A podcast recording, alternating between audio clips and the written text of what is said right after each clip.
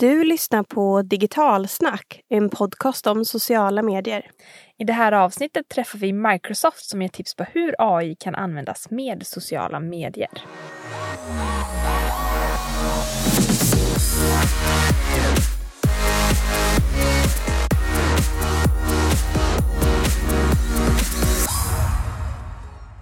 Hej och välkommen till Digitalsnackpodden. Det här är podden som ger er framtidens verktyg inom sociala medier. Men innan vi går in på riktigt det här så har vi någonting fantastiskt vi absolut måste berätta. En nyhet för Digitalsnack kan man säga. En dröm har blivit sann. Men nästan. Det här har ju jag gått och drömt om ganska länge och det är att vi startar nu öppna utbildningar inom sociala medier. Och det kommer vi göra i höst med start 2 oktober tillsammans med Östsvenska handelskammaren i Norrköping. Hälften av platserna är redan satta. Det är helt supercoolt. Verkligen. Så är ni intresserade av att ta en utbildning i sociala medier så gå in på vår blogg och sök på utbildning så kommer ni komma in där. Mm.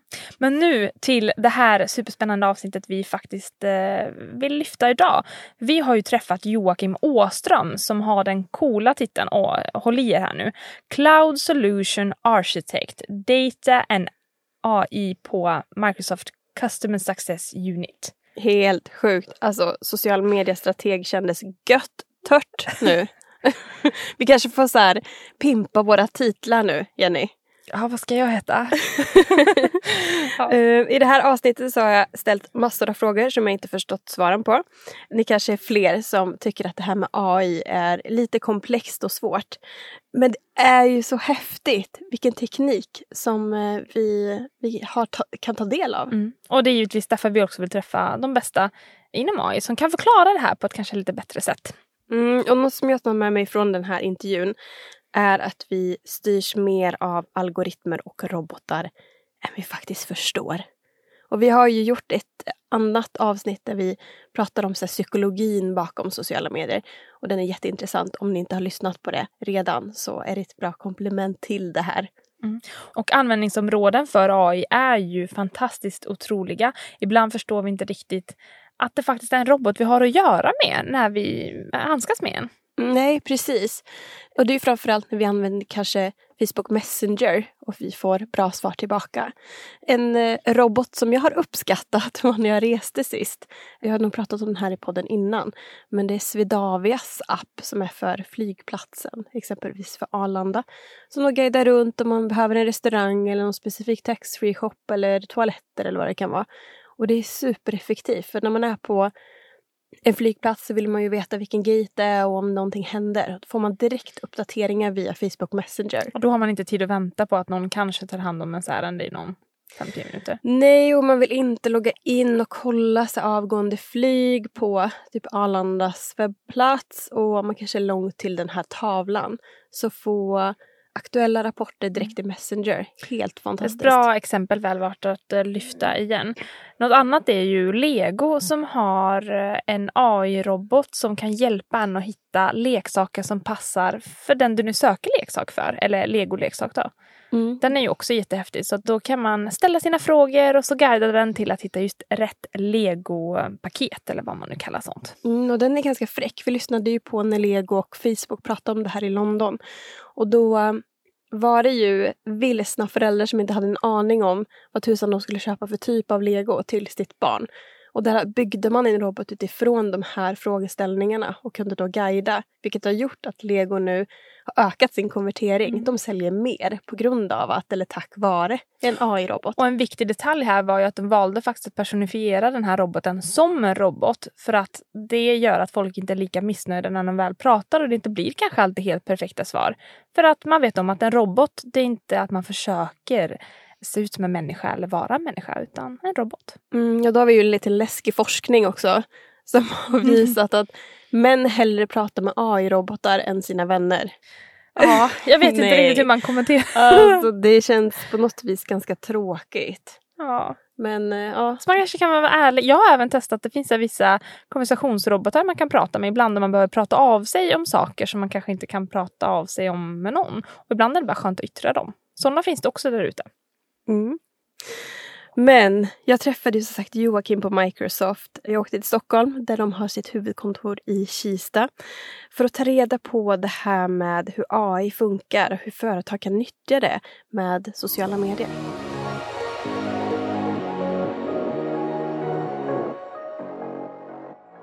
Vi är idag på Microsoft och framför mig sitter Joakim Åström. Välkommen till Digitalsnackpodden. Tack så jättemycket Cecilia. Kul att vara här. Du har ju den coolaste titeln som jag någonsin läst i ett mejl. Cloud Solution Architect, Data och AI. Vad är det här? Och såklart, berätta lite om dig själv, vad du gör här på Microsoft.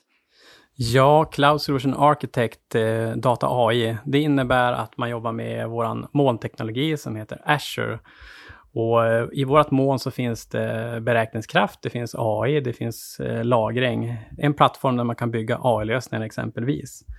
Så jag eh, har en bakgrund inom AI för tillväxtindustrin och rymdbranschen och jobbar här på en enhet som heter Customer Success Unit, där jag har förmånen att arbeta med ett par utvalda kunder, där jag hjälper dem att maximera nyttan med Azure, vår molnplattform, med fokus på AI. Eh, och det kan vara så som utvecklingsverktyg för AI eller design av big data-plattformar för att köra en AI-modell i produktion, en analysplattform. Så just nu så jobbar jag med två kunder, en inom flyg och en inom energibranschen. Mm, vi slänger med massa uttryck och vi ska ju prata AI i det här avsnittet. Hur kan man kombinera det här på ett smart sätt tillsammans med sociala medier? Det är du superexpert på. Men om vi börjar lite från början, om du ska förklara AI på ett enkelt sätt som jag och de absolut, tänk att du pratar med min pappa eller min mamma. Hur skulle du förklara AI då? Ja, AI och begrepp som deep learning och machine learning, jag brukar beskriva det som så att Machine learning kan man se som en verktygslåda där man bygger AI-lösningar. Och i den verktygslådan finns ett verktyg som heter Deep Learning. Och Deep Learning-verktyget är speciellt bra på att göra bildanalys. Så med den här Machine Learning-verktygslådan så kan man bygga AI-lösningar och en AI-lösning kan vara just bildanalys eller röstigenkänning eller förutsägande analyser. Och AI behöver data att träna sig på och därefter så kan den känna igen mönster utifrån tidigare data och vi har mycket data idag och det är därför det är så kul att jobba med AI just idag. Att vi har teknologin, vi har processorkraften och vi har just datat att jobba med att kunna träna en, en AI-modell. Exempelvis så kan man träna en modell att se om en maskin håller på att haverera och varna innan den havererar. Och då läser man data från maskinens sensorer och tränar AI-modellen att känna igen det här mönstret att nu håller den på att haverera, så man kan laga den innan den håller på att haverera. Så det är det är någonting som, som jag har pysslat med tidigare exempelvis.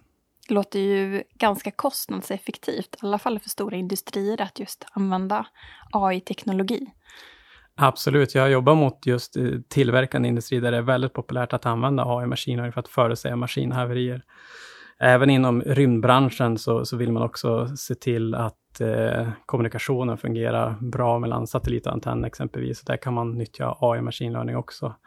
Så det finns många användningsområden, även ner till eh, jordnära saker såsom eh, sociala medier som alla påverkas av vardagligen. Där man kan hitta mönster och eh, analysera det som sägs eh, där ute. Hur använder Microsoft AI? Finns det på några verksamhetsområden där ni använder AI internt? Ja, eh, dels när jag öppnar min Surface Book så loggas jag in på datorn direkt via ansiktsigenkänning. Så den känner igen mitt ansikte via webbkameran på datorn och så loggas in så jag behöver inte slå in något lösenord. Så det är min första, mitt första möte med AI på morgonen. Och när jag öppnat datorn så använder vi AI Machine Learning för Cyber Security i Windows 10. Så använder vi AI Machine Learning för det.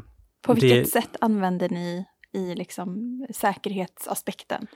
Ja, vi, vi använder machine learning för att hitta anomalier för att se om det kan vara säkerhetshot. Eh, och det använder vi också i vår molnteknologi Azure för att kunna förhindra hoten innan de blir allvarliga för att se att nu är någonting skumt på gång. Så då, då, då hittar AI machine learning det innan och, och varnar för det så vi kan blocka det. Så det är någonting som vi använder internt. Även då du använder PowerPoint eller Excel så användes, eh, används machine learning för att föreslå grafer i Excel eller teman i PowerPoint. Men vi har också mer häftiga projekt som jag tycker, det är lösningar för, för vården, där vi har projekt såsom Project Hanover. Och där tränar vi AI för att känna igen olika, eh, den bästa cancerbehandlingen för en patient. Och då tränar vi AI och på tusentals olika forskningsrapporter över behandlingar för cancer och sen tar man fram den som är bäst lämpad för den här patienten, så man skräddarsyr behandlingen. Ett annat projekt inom vården där vi använder AI och kallar vi Inner Eye och där gör man en bildanalys utifrån skikt eller magnetröntgenbilder och då kan man se cancersvulsten i en, den ritar upp en 3D-modell av den här. Så man kan följa cancersvulsten över tid och se om behandlingen tar bra eller inte och justera behandlingen efter det. Och något som också jag tycker är jättehäftigt där vi använder AI, det är ett projekt som vi kallar eh, Seeing AI. Och det är en app som vi har för, för synskadade som kan beskriva omgivningen, som översätter text till tal. Så om man är på en restaurang så kan den läsa upp eh, menyvalen för en exempelvis. Så det är, det är jättehäftigt tycker jag, hur, hur vi nyttjar AI för goda saker, såsom vård och, och eh, den typen av lösningar. Det är ju otroligt. Det känns nästan lite tråkigt med min nästa fråga som då handlar om det här med AI och sociala medier. Är det en bra kombo för företag att jobba med? Ja, det är det. Och jag funderar på den frågan, så tänker jag mig ur två olika perspektiv. Det ena det är ju att som företagare att man kan nyttja sociala medier som en datakälla. Att analysera saker och ting. Och varför sociala medier är bra tillsammans med AI? Ja, dels så kommer nyheterna först till sociala medier och sen har man en väldigt stor bredd. Jag läste någonstans att det finns ungefär 2,77 miljarder users på sociala medier. Och det, jämför man det med att ta informationen från en separat tidning så kan man riskera att få en vinklad information istället för att titta på en större bredd massa av individer. Exempelvis om man ställer frågan, vad tycker folk om ditt varumärke just nu? Den frågan kan man ställa till sociala medier och sen kan man använda AI som analyserar den texten som skrivs eh, och eh, få en känsla av om det är positivt eller negativt. Man kan också se och avgöra om din kampanj som du tänker lansera, hur den kommer att bli mottagen. Så att det finns många områden. Eh, världsnyheter. Har det hänt någonting på Twitter så kan man som påverkar ekonomi och försäljning för mitt företag. Sådana saker kan man få svar på. Så det är det ena perspektivet som jag tänker på, att man kan använda sociala medier som en datakälla för att få input. Också där tänker jag väldigt eh, tidseffektivt att använda AI. Jag tänker alla varumärkes eh, och analyser man gör när man ringer eller skickar ut. Eh, det tar ju otroligt lång tid. Mm. Och oftast när vi frågar så är det kanske inte alltid det som Svaret är inte alltid det som man faktiskt gör. Och då kanske AI har en Tror du att den är mer ärlig? Den, den, den, kan vara mer ärlig, den kan också vara snabbare för att se trender. Vad är det som trendar just nu inom klädes och modesbranschen exempelvis? då ser man ju ofta på inf influencers, man kan analysera bilder och text eh, med AI, så där kan man ju hitta saker kanske snabbare än att skicka ut en undersökning och få bara svaret. Helt klart, jag håller med där. Och det andra perspektivet är ju sociala medierna själva använder ju också AI. Tittar man på LinkedIn, Facebook och Twitter så Eh, Facebook eh, kan exempelvis detektera mobbing och trakasserier på sociala medier med hjälp av AI för att motverka det. Och tittar man på Instagram, om man skulle söka på saker på Instagram som är deprimerande, då får man faktiskt en pop-up-ruta som frågar behöver du hjälp? Och så får man en länk för att eh, komma till en professionell rådgivare, eller, rådgivare kring det här. Och även giftiga kommentarer på Instagram filtreras faktiskt ut utifrån machine learning-algoritmer. Och det finns filter för olämpliga bilder också. Och LinkedIn som har runt eh, jag tror det är runt 500 miljoner användare, där använder man ju maskiner för att rekommendera saker till dig som användare. Exempelvis, vilka skills eh, kan du vara intresserad av att lägga upp eller föreslå eh, relationer? Då, då viktas värdet på relationen analyseras och så ger den förslag till dig. Liknande, på liknande sätt som man ger förslag på filmer på Netflix som du skulle tänkas kunna vilja se. Just det. Så, det används ur olika perspektiv som jag ser det. Dels från sociala mediers perspektiv, men också kan man nyttja det som en datakälla att kombinera med annat eh, för annat, analyser. Kan man säga att algoritmer och robotar styr våra liv mer än vad vi tror? Ja, de, de försöker göra vårt liv enklare tror jag. Så är det. För i den här djungeln av data och, som finns så är det det handlar mycket om att få relevant information vid rätt tidpunkt och det, det kan ju AI vara bra på att hjälpa till med, helt klart. Mm. Du har gett oss massa bra tips på hur företag kan just använda AI-teknik. En annan sak tänker jag också är ju supportärenden mm. som flyttas mer och mer digitalt. Helt klart. Mm. Och där har man ju, dels som jag nämnde, man kan ju använda sociala medier som källa, ta temperaturen för vad folk tycker om ett ämne. Men man kan också använda exempelvis Messenger som plattform för supportärenden och det är flertal företag som har börjat med det. Jag vet att eh, SJ har ju kört det och även SAS använder det. Så man kan använda sin Messenger-app som man redan har och sen få hjälp av en chatbot eh, via Messenger exempelvis. Och där har ju vi på Microsoft ett eh, jättekraftfullt men enkelt eh, ramverk där man kan bygga chattbottar. Så att det, det där tror jag kommer att eskalera och bli mer och mer eh, företag som använder sig av att använda sociala medier som plattformen att bygga chattbottarna då, exempelvis i, med, med vår teknologi eller annan teknologi och sen använda sociala medier som själva plattformen så att användaren kan nå den här chattbotten på ett enkelt sätt. Det tror jag. Mm.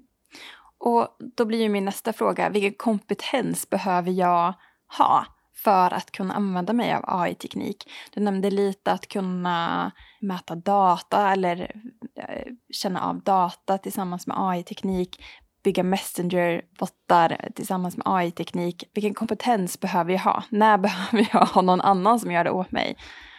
Ja. Hur, hur komplext är det? Ja, det finns AI som eh, man kan använda helt färdigbyggt. Sen finns det AI där du kan bygga det helt själv och då krävs det mer eh, kompetens. Men börjar man med bottar så har vi eh, något som heter Microsoft Bot Framework och där kan man bygga en bot på fem minuter. Så dels har man färdiga exempel, men det man behöver där som förkunskaper är att man kan JavaScript eller C-sharp, man kan programmera en viss bit.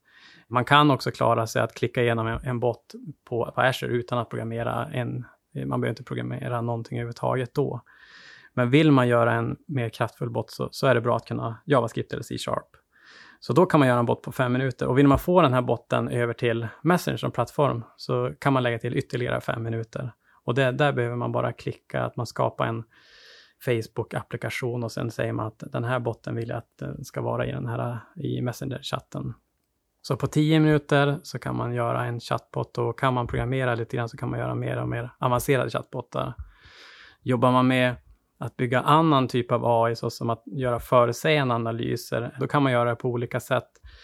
Men där, där krävs det tyngre eh, kunskaper såsom att man kan området data science, att man kan också eh, nyttja data engineering-bitarna, det vill säga att, som, som vi sa, att det handlar om att bearbeta data så att det ska passa den här machine learning-modellen. Det, det, är datadrivet och då behöver man knåda datat. Man behöver kunna kanske lite SQL och eh, Python och liksom kunna bitarna bakom data science, hur det funkar att bygga och träna en machine learning-modell. Men vi har också färdiga tjänster där någon, eh, Microsoft Research redan har gjort det här åt oss. Och då har vi byggt färdiga machine learning-modeller som vi kallar cognitive services. Och de kan man liksom en bot eh, nyttja och konsumera ganska snabbt och direkt i sin applikation av olika slag. Tror vi att det kommer bli mer automatiserat? Vi såg ju, om vi är tillbaka 20-30 eh, år, på webbsidans utveckling så kunde man ju inte som vanlig individ, vanlig dödlig, göra någonting med en webbsida utan allting skulle hårdkodas och idag så kan nästan vem som helst skapa en webbsida. Tror vi att AI kommer att få den utvecklingen också? Att det kommer vara lättare att bygga robotar? Absolut, eh, så kommer det bli och vi på Microsoft, vi vill ju demokratisera AI. Så vi har ju byggt utvecklingsverktyg som ska passa för alla individer. Så att är man databasutvecklare så kan man nu faktiskt bygga en machine learning-modell i SQL Server, databasmotorn. Om man jobbar som programmerare i .NET så kan man bygga en machine learning-modell i C-sharp och .NET. Och kan man Python så har vi, och eh, är data scientist, då har vi en miljö för det också. Så vi har olika miljöer för olika individer. Sen har vi också färdiga AI-tjänster, Cognitive Services. Sen har vi också vårt bot framework som också är mer eller mindre färdigt för att man ska kunna skapa det på ett enkelt sätt. Den tanken finns och det jobbar vi hårt på för att demokratisera AI, för att det ska bli lättare och lättare för att alla att bygga AI och eh, även konsumera AI. Så vi har också exempelvis våran bildanalystjänst där man eh, helt sonika bara behöver ladda upp sina bilder på sig själv eller på sin katt eller på, på vad man nu vill att det ska känna igen den här AI-modellen. Så man klickar på att ladda upp de här bilderna, sen tränas modellen utifrån de bilderna och eh, då får man en modell helt, helt färdigt med, med, med klick kan man säga. Så, så bildigenkänning det och även röstigenkänning. Om man talar in en fras tre gånger så kan den känna igen din röst efter det. Och det beror på att det, det finns en ganska färdig tränad modell i bakgrunden som, som lägger på din röst. Då, så att, eh. Klarar den även av dialekter? Är min ja, jo, det, tanken är ju det att eh, precis som all färdig AI som man gör som ska fungera worldwide, de är ju inte anpassade efter dialekter och de är inte anpassade efter den terminologi som ett specifikt företag har. Så jobbar man mot gruvindustrin så finns det terminologi där. Och det är det som är finessen med AI maskinlärning, att man kan träna den datadrivet. Så kan man träna in den med, med din dialekt, med din terminologi, så att den kan eh, bli skräddarsydd efter dig. Så att den är mer dynamisk än tidigare analys, där man gjorde ljudanalys och bildanalys kan man säga. Mm. Vi hörde en intressant eh, forskning som säger att män har enklare att prata med AI-robotar än sina vänner. Är det... ja, det, låter är det ett, intressant forskning. Eller hur? Ja. Det här är kanske ett nytt område. Du pratade om vården innan. Ja, nej men det, det låter helt klart intressant och visst är det så att eh, hur man nyttjar AI, hur, hur nära man kommer AI, det, det är olika som individer tror jag. Så kan det vara. Sen om det är olika kön som har lättare eller svårare, det vet jag inte. Men, eh, men det beror ju också på hur man tränar en AI-modell. Det finns ju faktiskt eh, risk att man tränar en AI-modell fel. Lite skit in, skit ut. Och det måste man va, va, tänka noga på. Om man ska träna att eh, känna igen människor så ska man eh, ta individer från hela vår planet och träna den på.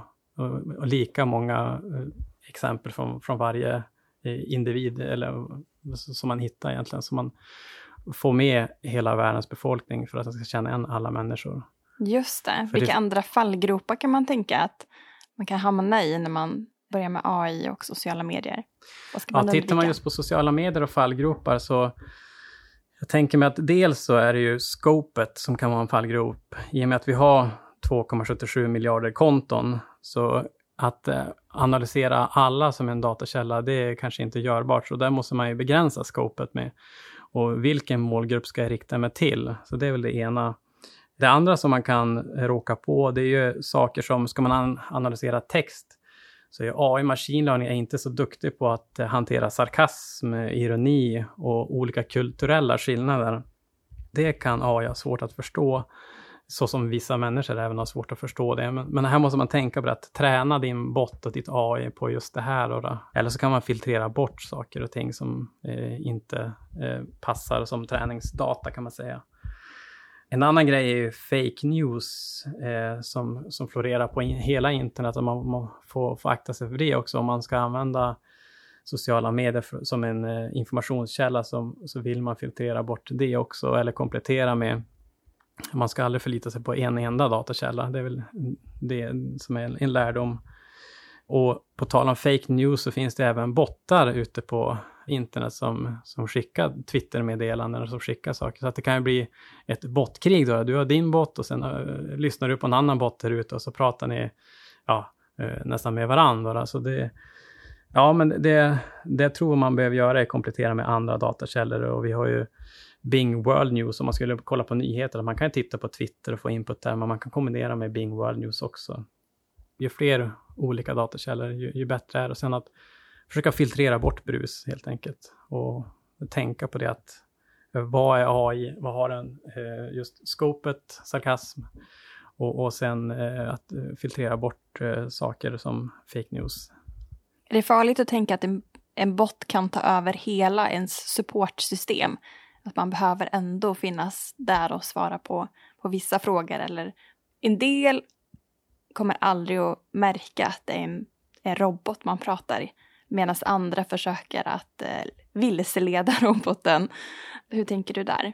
Hur mycket ska robotar vara med i våran Ja, nej, men tittar man på, på bottar så tror jag att det finns alltid behov av en mänsklig backup där, helt klart. I, i varje fall i nuläget som, som, som jag har, eh, hur, hur, jag interagerar med bottar, så ibland finns inte svaret där och då behöver man få ringa eller prata med någon person, helt klart. Så här.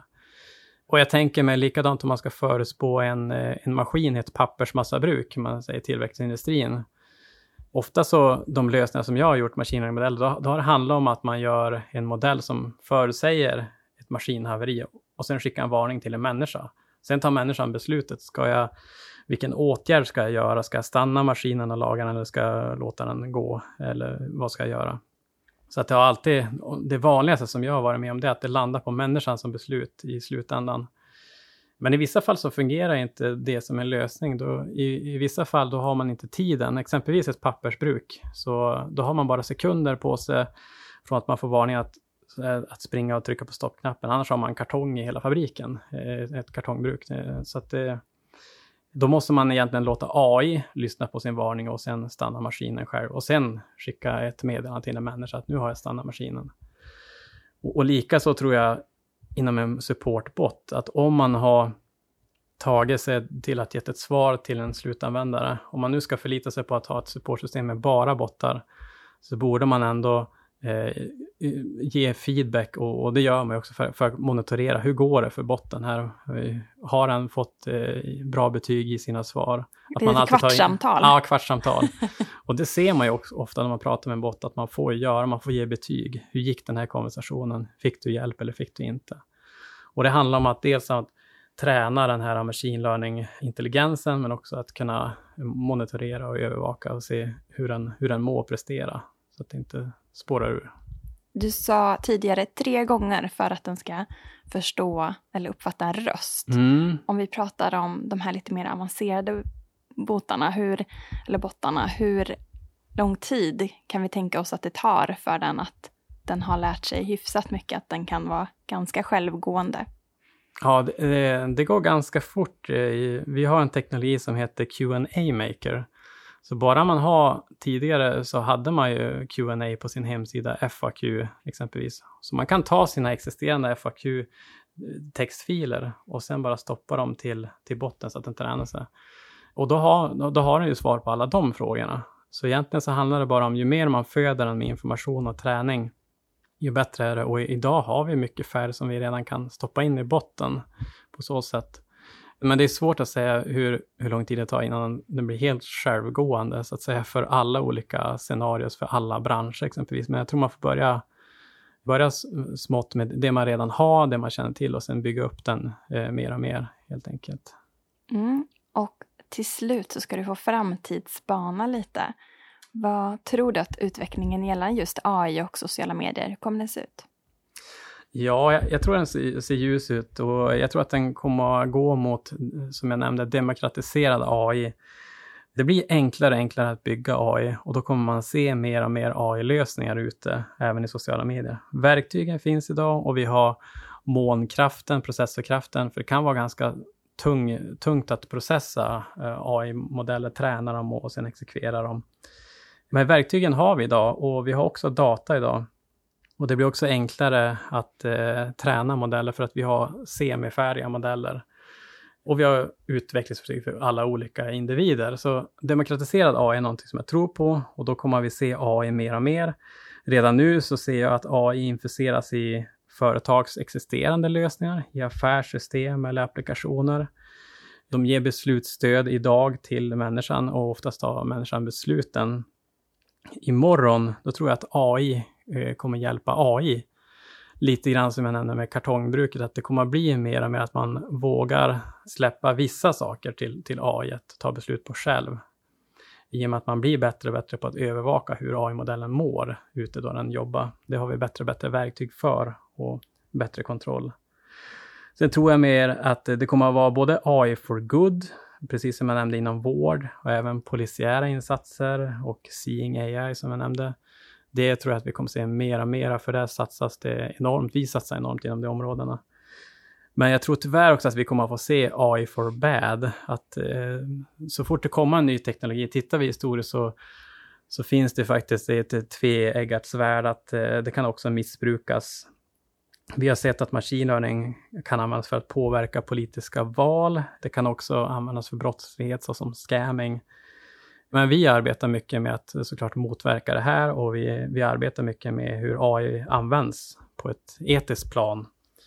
AI ska göra gott och inte ont, eh, så är det. Men eh, det är någonting som man får ta med om man framtidsspanar också, att eh, såklart ny teknologi kan användas på olika sätt, så är det.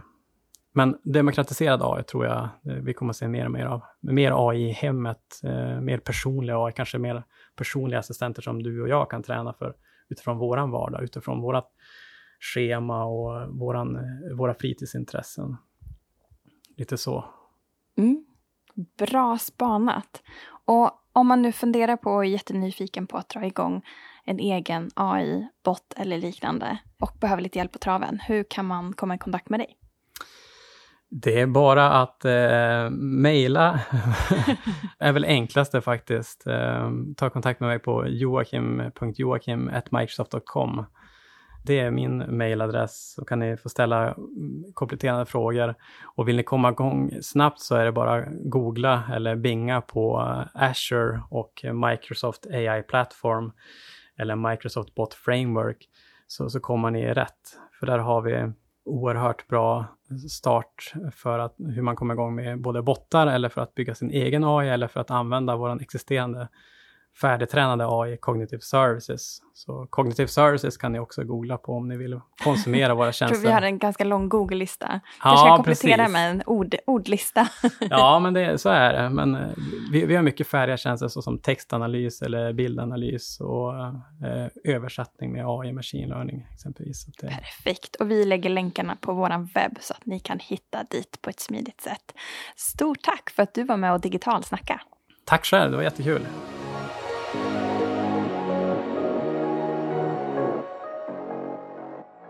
Vad vill du höra i Digitalsnackpodden? Vi söker nu ämnen inför hösten.